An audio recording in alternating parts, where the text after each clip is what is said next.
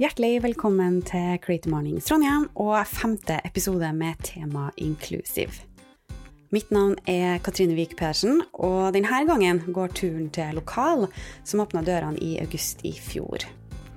Der tok vi en prat med Andrew Anfinsen, daglig leder og en av gründerne bak Lokal, om hvordan et utested kan gi uttrykk for positive samfunnsverdier som mangfold, dialog og nettopp inkludering. For musikk- og nattklubber har i mange tiår spilt en viktig kulturell rolle. Og da spesielt musikksjangeren house, som oppstod i USA på 70-tallet. The music is just a reflection of. Musikkprodusent Nile Rodgers i dokumentaren I Was There When House Took Over the World. People started to ask for their voices to be heard. The women's movement, the gay movement, black power movement, all these things started to cross pollinate each other and we became comrades. And it played itself out in nightclubs.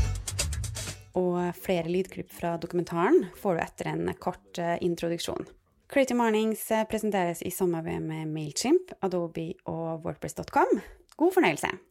Da er vi klar for uh, månedens uh, tema, eller vi kan kalle det lokal tolkning av temaet. Temaet er altså inclusive, og litt av målet med Creative Mornings Trondheim, eller over hele verden, selvfølgelig, er jo det å løfte fram ting som kanskje ikke er oppe i lyset. Åpne litt sånn for, for nye ting. Og da er det også sånn at et av mine hjertebarn, og det er rett og slett housemusikk og klubbing. Og det vet jeg er for mange, så er det liksom forbundet med en sånn svart bule, og ingen ser noen ting. Men det lokal ønsker å få til i byen her, det er å skape et miljø for å, der alle kan komme, uansett hvilket utgangspunkt du har, og bare ha det gøy sammen. Og Derfor har jeg lyst til å bare vise dere litt sånn i forhold til en, hva housemusikk faktisk er. Og har liksom prøvd å dratt ut det beste for å vise dere eh, hvorfor i all verden jeg er så lidenskapelig opptatt av det her.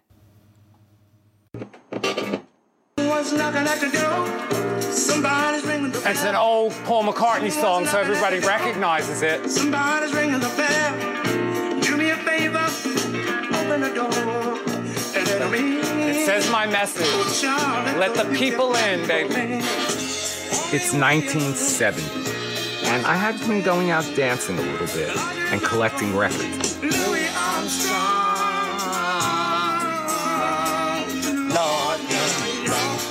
And I'm at a party at my brother's house. And it's the most boring party, Snoresville, USA. Everyone's falling asleep. So I put on You're the One or something like that. And this girl comes out of the bedroom and says, Hi, I'm Dale. I'm dating your brother. You like this music? I want to take you to a fabulous party. 647 Broadway. I'll never forget it. David Mancuso's loft. We go in this little hallway, open the door, and I move on to this dance floor. And as the record is playing, it comes to a peak, and these bright lights go on, and then everything goes off, and all I hear is this sound this perfect sound. I knew in my soul, in my heart, in all my body that that music was moving me to my core, and I knew it was going to move a lot, a lot of people. And that was, for me, the beginning of dance music.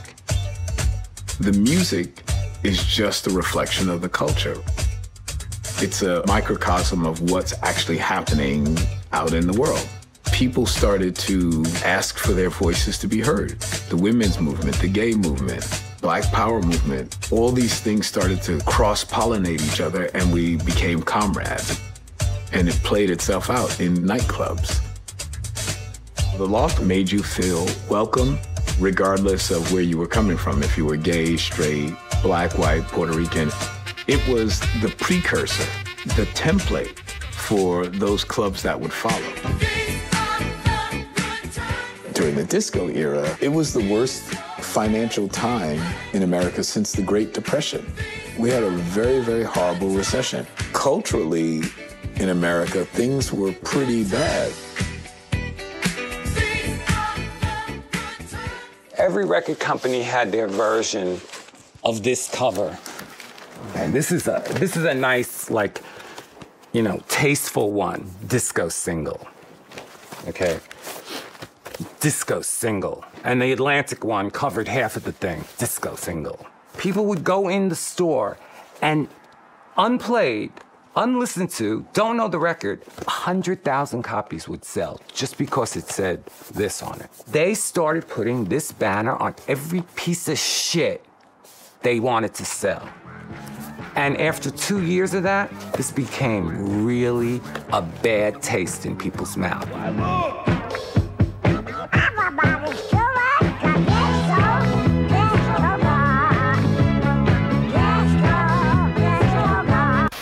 It was billed as Teen Night at Comiskey Park for the Twilight doubleheader between the Chicago White Sox and the Detroit Tigers. The feature attraction was a disco demolition between games. Local radio morning man Steve Dahl was the catalyst. He is anti-disco. All of a sudden, there was sort of a them and us. And I think that us was strong because we went further underground. We went deeper.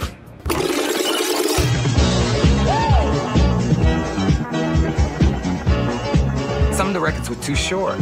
So Frankie would mess with them and have two copies and make them longer and also like play the breakdown twice or play the best part a couple of times or skip the shitty part. I mean, I almost couldn't quite figure out if there were songs at one time because sometimes it was just like this sort of soundscape. One of the sound effects Frankie would do would be this train. It gets louder and louder and louder, and until it comes by you it goes was like a revelation. He didn't just mix a couple of records. He brought in a whole new style of music. That's something. Eh, han de snakker om, er da Franken Knuckles, som kalles House, uh, Housens far. Det er masse som er klippet her. Dere må gå inn og se det. Det er 70 000 som stormer stadion og brenner diskoplater og disco-saks. Det er jo helt fantastisk. Og The Loft er jo da precursen til The Warehouse. The Loft starta i 1970 det var i New York. The Warehouse starta i Chicago i 1977, så her var det veldig mye Loft. Men det var en liten, eh, liten eh, Yes, Da skal vi få opp eh, Andrew. Andrew Hei, hei. er daglig leder og konseptansvarlig her på eh, Lokal. Hjertelig velkommen. Hei, Katrine. Og fortsatt god morgen. Ønsk deg velkommen er jo kanskje litt feil. Du er jo på, vi er jo i ditt hus. Det er egentlig ganske artig å kunne sitte her og få snakke litt om egen plass på egen plass. Ja. Ja. Litt om deg sjøl, Andrew, for det er ikke sikkert alle her vet hvem du er. En sånn kort, uh, kort pitch. Kort pitch. Uh, Jeg heter Andrew Anfinsen. Um, Jeg flytta til Trondheim i 2005 som veldig mange andre for å studere. Endte opp med å bli. Uh, Har jobba for det meste med konsert og klubb og litt festivaljobbing gjennom årene. Um, Brukbar gjennom veldig mange år, litt på Brukbar Blast mot slutten der, og nå på lokal. Som daglig leder og konseptansvarlig. Jeg har gjort litt eh, research, og jeg har faktisk fått høre det. At du er mer trønder enn de fleste trønderne, og et voldsomt engasjement og kjærlighet for byen. Oi sann. Kjenner jeg igjen i det? eh, hvor står det? Hvor, hvor kan man researche det? Det er i mine notater. det er en liten fugl som har sledra. Veldig hyggelig å høre. Nei, men eh, det er sagt at du er en herlig blanding av realist og perfeksjonist. Og det kan jeg virkelig skrive under på. Jeg ble så glad i dag når vi skulle organisere oppe her, og veldig opptatt av hvordan det skulle se ut. Og da tenkte jeg det her lover bra for Trondheim, når man er så detaljorientert. Og så morsomt å være sin egen arrangementsansvarlig. Ja. yes. La oss bare starte med litt bakgrunnshistorie. Nevnte Brukbar og Blest måtte jo legge ned. Stor sorg for veldig mange i byen her. Og gjett om vi ble glad når vi hørte at det her skulle blåses nytt liv i. Vet ikke, ja, fleste her vet det, kanskje jeg husker frakken. Det var jo her. Det, ja, da jeg var 17 når jeg får lista meg inn der, så jeg husker det, husker det fairly. Uh, og som sagt, store ting på gang. Kan du fortelle litt om hvorfor ble det her, og hva var bakgrunnen? Og, ja. Når Brukbar og Blast eh, gikk eh, konk i oktober 2016, så mista jeg jobben på dagen, egentlig. Og um, var egentlig ja, datt i et lite hull. Prøvde å finne ut hva jeg skulle gjøre. Vurderte å flytte fra byen, skifte karriere, egentlig. Tenkte liksom ja, nå er det kanskje nå er det på tide å prøve noe annet. Eh, Så var det en liten periode med dagpenger og prosjektjobbing osv. Men så hadde jeg egentlig en veldig veldig fin vennegjeng som uh, Vi snakka alltid om at nei, men det kan ikke liksom bare slutte her. Vi må dra i gang noe nytt. Og det var lenge selvfølgelig bare snakk, på en måte, men samtidig også litt sånn forskning, kikking, hva som fins i byen av lokaler og sånn. Fordi opprinnelig så ville vi egentlig bare starte en klubb. Vi var på utkikk etter noen rimelige lagerlokaler for å starte en elektronisk nattklubb. da, på en måte. Eh, det viste seg å være vanskeligere å gjøre det egentlig enn å eh, finne noe i sentrum. Altså Jeg kikka liksom mot Nyhavna, Østbyen osv. Um, men ting balla seg på. Uh, ja, det, frakken som ble til D12, la ned i mai uh, for, uh, ja, i fjor. Og um, så begynte vi å tenke at her er det kanskje litt liv laga for å gjøre noe annet. Og så fikk vi litt mer enn våre egne sparepenger, en investor med på laget. Og så plutselig ser vi på et uh, relativt stort lokale, eller tre lokaler, som er lokal bar med lokal scene og lokal klubb. Ja, for det, det, det, det, var jo mildt sagt litt større enn dere hadde tenkt. Egentlig, ja. Dere skulle åpne en klubb og endte opp med å åpne både bar og scene og klubb. Mm. Ja. Samtidig så var det også liksom Klubb var på en måte ett fokus, men det her er også et uttrykk for egentlig alt som vi samla har jobba med. Jeg har jo også mine to medgründere bak i lokalet her. Jørgen og Alex. Så vi har vært uh, tight og starta den greia her, da. Mm. Mm. Dere har et lang, langsiktig perspektiv. Nå har mm. dere vært åpent i litt et halvt år. Hvordan ja. har det gått siden åpninga? Jeg syns det har gått veldig bra. Uh, det har vært Altså, første to månedene selvfølgelig alt er fryd og gammen fordi det er helt nytt. Uh, og så kommer vi på en måte litt utover høsten. Så, ja, ok, Man merker utfordringene og osv. Men plutselig ut mot våren så har det virkelig tatt seg skikkelig opp. Uh, jeg har aldri hatt så mange arrangementer å jobbe med, som, uh, altså verken på Blast eller Brukbar. Um, nå har vi gjerne noe som skjer nesten hver dag, og noen ganger om morgenen samtidig som det skjer noe på kvelden. Mm. Eller, så, og vi får mye positiv respons. Vi, um, ja, jeg ja. føler at det går ganske bra. Ja. Dere ble jo kåra til årets utested. Uh, Utowards til Adressa. Det fortjener en liten applaus. Det er helt fantastisk. Og den cocktailbaren har jo også fått litt oppmerksomhet.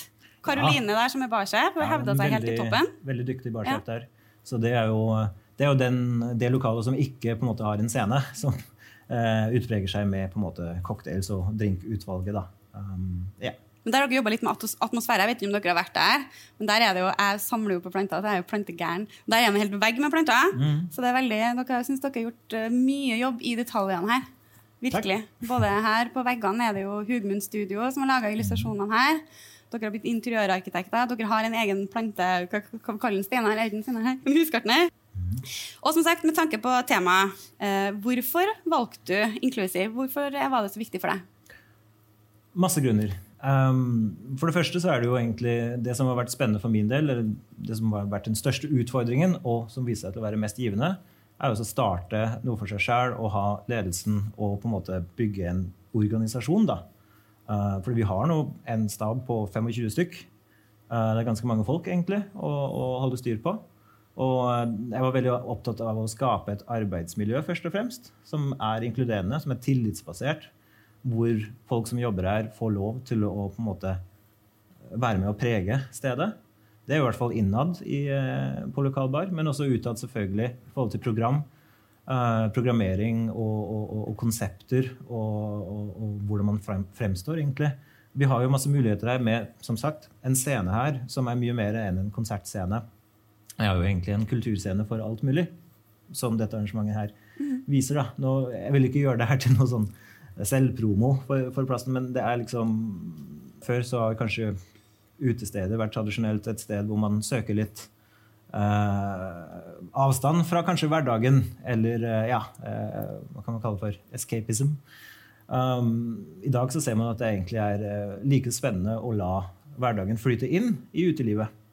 Så det at man kan ha samfunnsdebatt, politisk debatt, man kan ha teater, film, litteraturkvelder, alt mulig på en sånn type uteplass. Det syns jeg er utrolig spennende. Så det, det føler jeg liksom kan være vårt bidrag da, til å ja, inkludere en del av det som skjer i, rundt oss.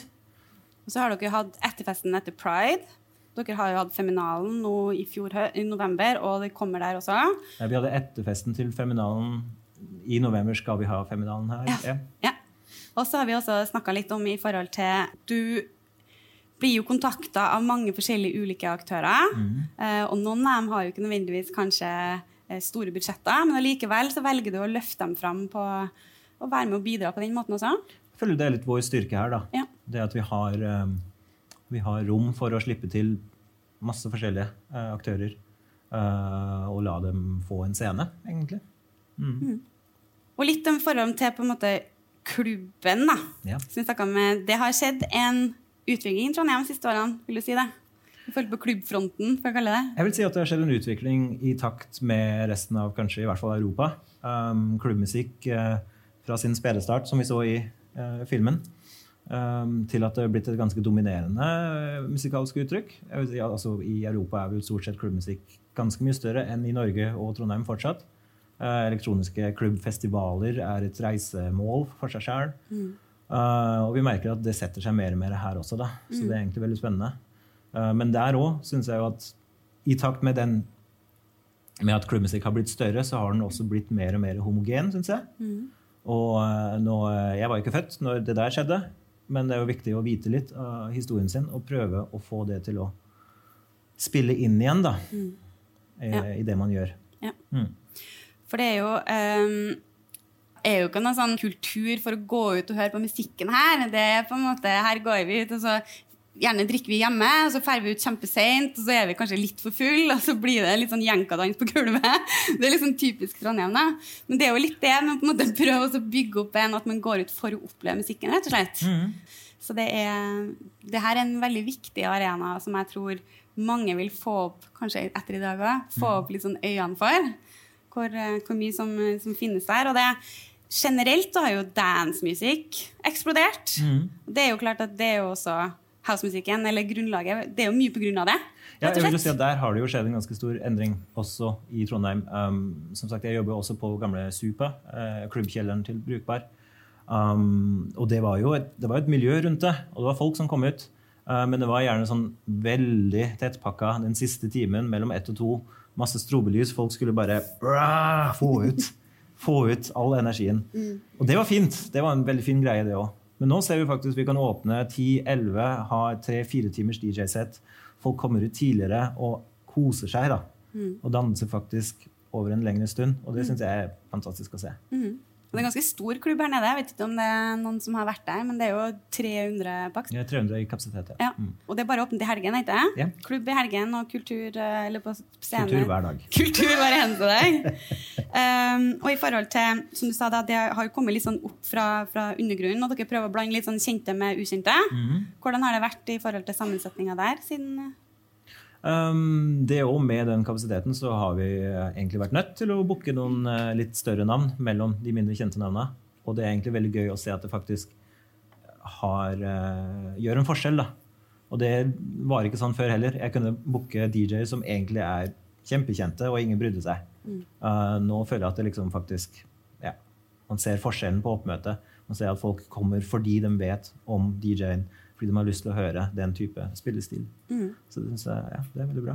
Går du på klubb i Tyskland, så får du ikke komme inn hvis du ikke vet hvem som spiller. Så vi kan jo prøve å komme litt etter der. da. Finnebassen, var ikke det et arrangement som var noe nylig? som var det Ja, vi snakka litt om det, fordi Ja. det var virkelig en kveld hvor jeg følte at ok, nå har det skjedd noe. altså Når vi hadde liksom 300 pluss, egentlig litt overkapasitet, dansende fra den ene enden av klubben til den andre, og, og, og, og virkelig, virkelig hæla i taket stemning.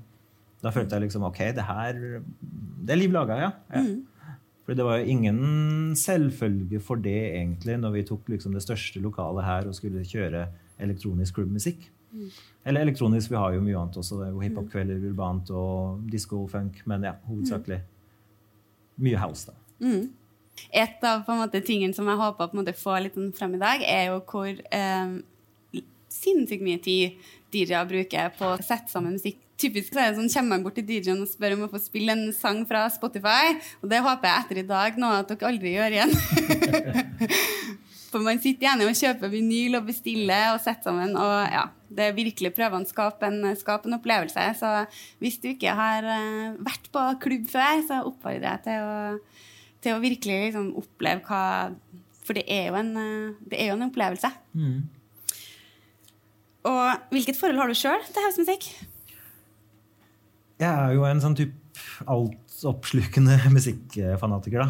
Eh, Det er noe jeg plukka opp etter hvert. Ja. Ved å jobbe, ja, jeg kom inn på Brukbar, jobba med konserter, eh, indie-bookinger osv. Um, mens det foregikk, altså jeg følte at festen foregikk nede i kjelleren. Da. Og så begynte jeg å bli kjent med dem som spilte, og, og, og, og hva det dreide seg om. Og jeg ble jo, ble jo smitta av det. Begynte å spille sjæl og, og um, ja, plukka det opp mer og mer. Nå er det um, Det er jo en, en, en- passion nå, da. Skal vi runde av eh, samtalen? Da sier vi tusen takk til Andrew Anfinsen og vertskapet Lokal. Og en ekstra stor takk den gangen her til Laborder og Oskar, som sto opp ved morgengry og laga deilige chorros til arrangementet. Takk til alle gjestene som kom. Og hvis du vil være med som gjest, er det altså helt gratis og åpent for alle. Det eneste du må gjøre, er å registrere en bruker på creativemornings.com slash trd, og sikre deg en billett når de slippes eh, mandagen før arrangementet. Neste gang skal vi besøke Trondheims kunstforening og utforske det globale temaet wonder. Fredag 14. juni, og det blir siste event før vi tar sommerferie. Og du kan holde deg oppdatert ved å følge oss på Facebook. Har du forslag til gjester vi burde snakke med, eller spennende locations? Send oss gjerne en mail til trd at creativemornings.com, eller via vår Facebook-side. Podkasten produseres i samarbeid med Trondheim Lyd. Mitt navn er Katrine Wiik Pedersen, og vi høres i juni.